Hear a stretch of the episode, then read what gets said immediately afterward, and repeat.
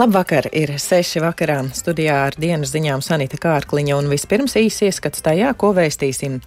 Daugavpils universitātē aizdomas par krāpšanos ar Eiropas Savienības fondiem, Ukrainas armija atzīst Solidaras zaudēšanu iebrucēju spēkiem, bet tenisa sezonas pirmais Grand Slam turnīrs Australian Open tuvojas izskaņai. Par šiem un citiem tematiem plašāk ziņu turpinājumā.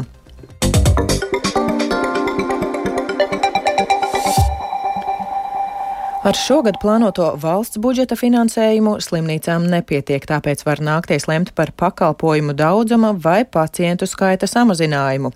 Vēl viens nepatīkams risinājums - palielināt maksas pakalpojumu īpatsvaru vai celt pacientu līdzmaksājumu līmeni.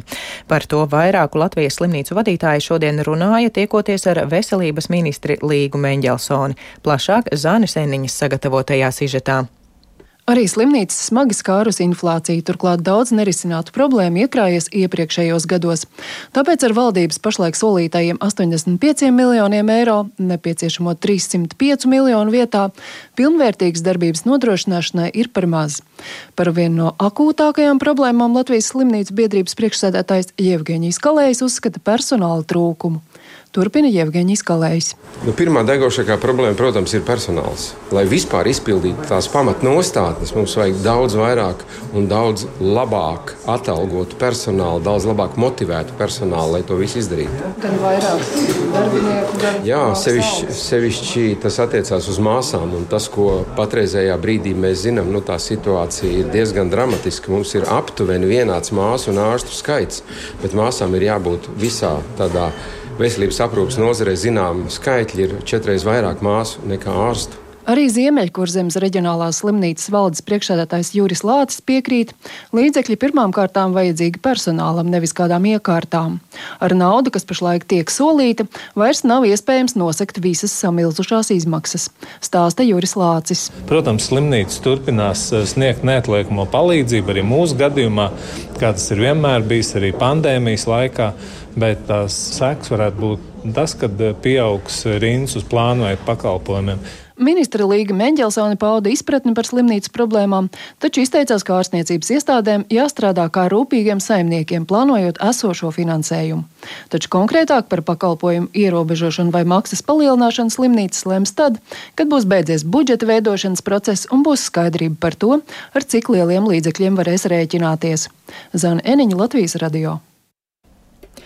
Turpinām sekot skandālam Daugopils universitātē. Tur ir aizdomas par iespējamu krāpšanos ar Eiropas Savienības sociālā fonda līdzekļiem 600 tūkstoši eiro apmērā. Valsts policija kopā ar Eiropas prokuratūru tur vakar veikusi procesuālās darbības.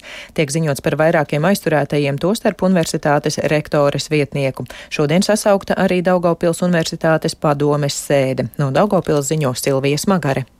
Tas, ko šodien izdevās noskaidrot un apstiprināt Eiropas prokuratūras uzsāktajā procesuālajā lietā saistībā krāpšanos Dāngāpas Universitātē ar Eiropas Savienības sociālā fonda līdzekļiem vairāk nekā pusmiljonu eiro apmērā, ir tas, ka galvenais figurants prokuratūras un policijas uzsāktajās pārbaudēs ir Dāngāpas Universitātes rektoras vietnieks attīstības jautājumos un augstskolas padomes loceklis Jānis Kudiņš. Aizturētas vēl divas privātpersonas. Radio stāsta Eiropas prokuratūras prokurors Gatis Doniks. Un tā informācija, kas ir izskanējusi publiski, faktiski arī norāda uz to personālu loku, ar kuru mēs strādājam un veicam izmeklēšanas darbības. Notiek pirmstiesas izmeklēšana, un, protams, tā ir plānota pirmstiesas izmeklēšana, un darbs būs apjomīgs, ņemot vērā to, ka ir izņemts iespaidīgs informācijas apjoms, datu nesēja, tas viss ir procesuāli jāapskata, jāanalizē. Ir vairāk projekti, ir vismaz trīs projekti kas ir realizēti Daugavpils universitātē. Laika posms ir 2018. sākot līdz 2022.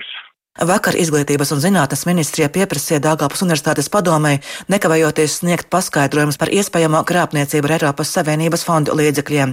Šā pēcpusdienā tika sasaukta Dāngāpas augstskolas padomes sēde.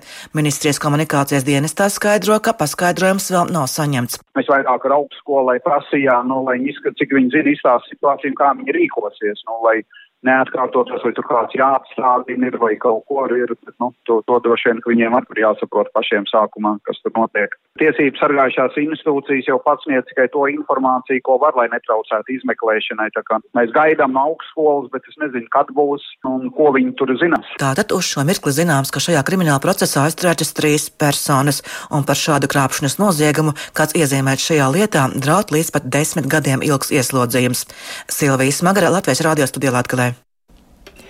No partijas konservatīvie aizgājušie Rīgas domas deputāti kopā ar deputātu Māri Mičerevskišu, kurš savu laiku pameta attīstībai par rindas, ir izveidojuši politisko bloku Koci Rīgai.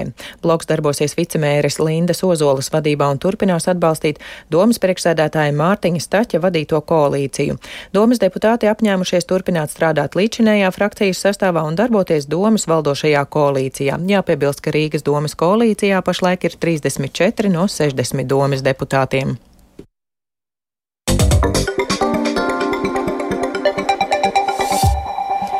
Šodien darba vizītē Latvijā ieradās Somijas ārlietu ministrs Pekka Hāvisto. Viņš šorīt tikās ar Latvijas ārlietu ministru Edgaru Rinkēviču.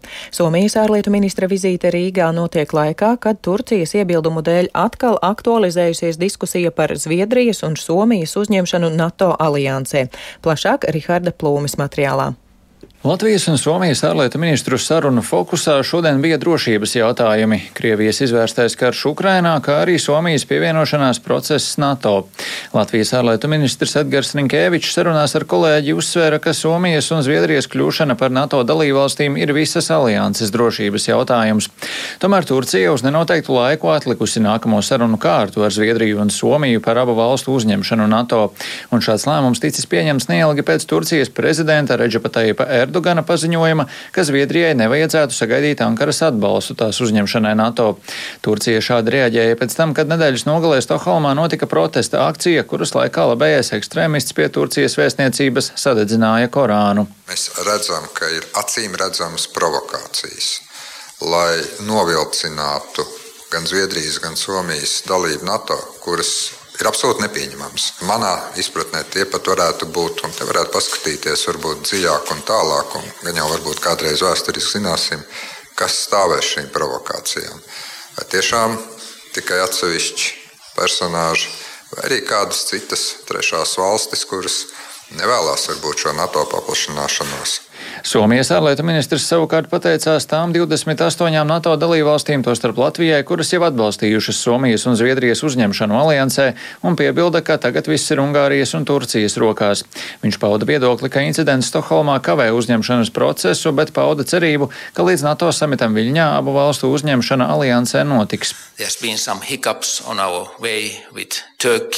Ir bijusi aizskaršanās ar Turciju, un šīs demonstrācijas Stokholmā nepalīdzēja un situāciju paildzināja. Kas attiecas uz laiku, tad sagaidām, ka tuvāk Viļņas NATO samitam gan Somijas, gan Zviedrijas ratifikācija NATO varētu notikt. Mēs pat labi esam atkarīgi no Ungārijas un Turcijas. Mūsu dalība ir atkarīga no šo valstu lēmuma, jo, lai iestātos, visām alianses dalību valstīm tas ir jāratificē. Ungārija sola to paveikt parlamentā līdz februāra beigām, un ar Turciju mums pat labi nav noteikts nekāds datums. Lai gan viņš atzina, ka sarunas ar Turciju ir iepauzētas, tomēr diplomātu darbs ar Turciju turpinās, lai rastu risinājumus situācijai. Rihards Plūme, Latvijas radio. Arī Latvijas ziedotāji Ukrainas armijai sūta pie mums ražotu militāro tehniku. Pirms diviem mēnešiem labdarības organizācija Ziedot LV sāka kampaņu Labas ziņas. Šajā laikā saziedots gandrīz pusmiljons eiro. Par šo naudu iegādāts Latvijā ražots militārais ekipējums un tehnika. Un šodien pirmā militārā krāva jau ceļo uz Ukrainu. Par to plašāk Lindas Mundiņas ierakstā. Divu mēnešu laikā saziedotā iedzīvotāja nauda pārtepusi praktiskā palīdzībā. Latvijā ražota militārā tehnika, 9 kvadrcikli ar kaujas platformām un 4 militārie skrējēji šodien sāk ceļu uz Ukrajinu. Kaujas platformas ražotas Ogrē uzņēmumā LVTech. Tā pārstāvis Uģis Virido stāsta, ka jau 80 kvadrciklu un platformu vienību Ukraiņi jau izmanto frontē. Viņi ir spējīgi braukt cauri dažādiem apstākļiem. Viņi taisīt bezceļa transporta līdzeklis. Tas ir.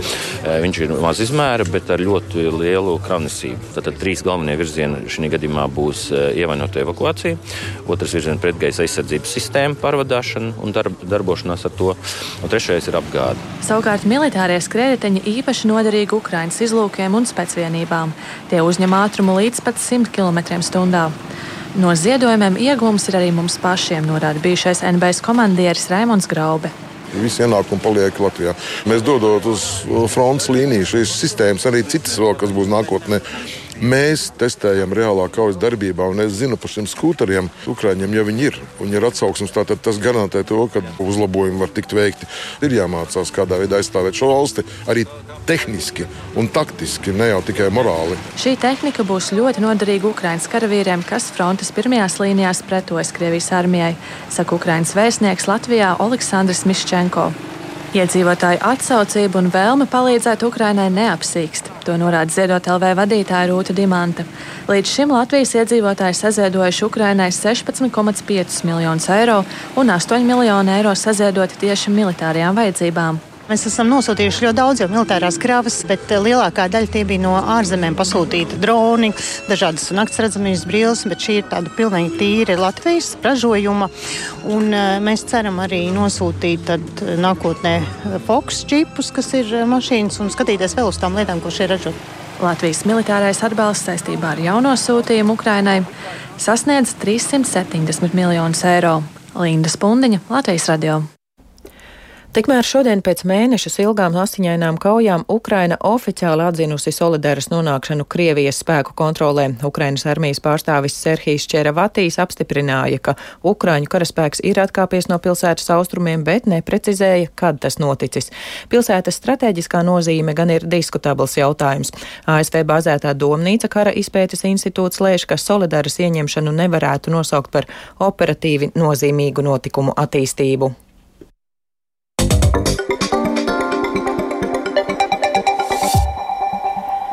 Tenisa sezonas pirmais Grand Slam turnīrs Austrālijana Open tuvojas savai izskaņai un sacensībās palikuši tikai labākie atlēti. Šodien noskaidroti pēdējie pusfinālistu pāri kungiem, kur nav izticis bez pārsteigumiem. Tikmēr kārtējo rekordu sasniedzis Novaks Džokovičs.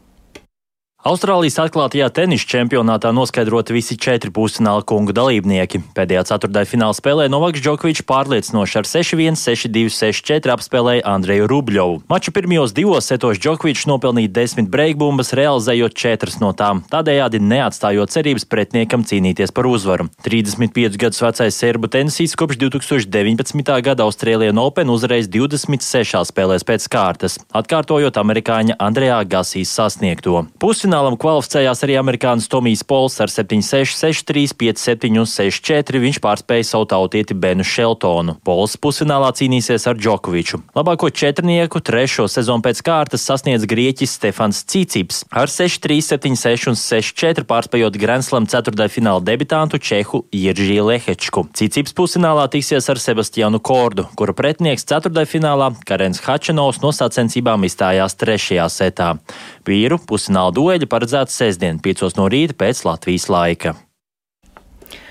Un vēl viena priecīga vēsts. Rīgas dzemdību namā šodien sagaidīti pirmie trīnīši, divi puikas un meitene. Trīnīšu vecāki ir Dina un Jānis no Stopiņu pagasta, kuri pirms sešiem gadiem dzemdību namā sagaidīja savu pirmdzimto dēlu.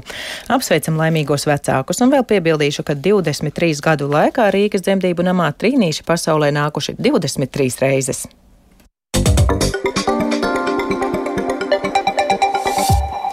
Ar to izskan dienas ziņas sešos vakarā producente Aiga Pelēna, ierakstus montēja Kaspars Groskops pie skaņu pults Kārlis Ra Rašmanis, bet studijā Sanita Kārkliņa un vēlreiz īsumā par dienas svarīgāko. Daugopils universitātē aizdomas par krāpšanos ar Eiropas Savienības fondu līdzekļiem lielā apmērā. Ukrainas armija atzīst solidāras zaudēšanu iebrucējiem, bet tenisa sezonas pirmais Grandslam turnīrs Australian Open tuvojas izskaņai. Yeah. Šodien diena Latvijā apmākusies vietām līņā Rīgā pat labam plus 2 grādi, dienvidrietumu vēju brāzmās 8 m2, gaisa mitrums 98%, atmosfēras spiediens 767 mm. Bet par to, kāds laiks gaidāms tuvākajās dienās, stāsta Toms Brīcis. Vēl ceturtdien laiks būs apmācies ar nelieliem nokrišņiem, lietu, atkal austrumos arī sniegu. Temperatūra gan naktī, gan dienā mīnus 2,3 grādu robežās. Piektdien temperatūra sāks pazemināties, debesis skaidrosies, daudziet uzspīdēs saule, nokrišņi nav gaidām, bet sestdienas naktī veidosies migla un sārma. Gaisa sadzisīs līdz mīnus 1, mīnus 6, vietām mīnus 9 grādiem. Dienā brīžiem uzspīdēs saule, bet sestdienas vakarpusē debesis apmāksies, no rietumiem sāks snikt un nedaudz putināt. Svētdienas naktī visā Latvijā Latvijā gaidāms sniegs un brīžiem putenis, bet no rietumiem tas pāries Lietuvā un dienā jau būs iestājies atpūsnis.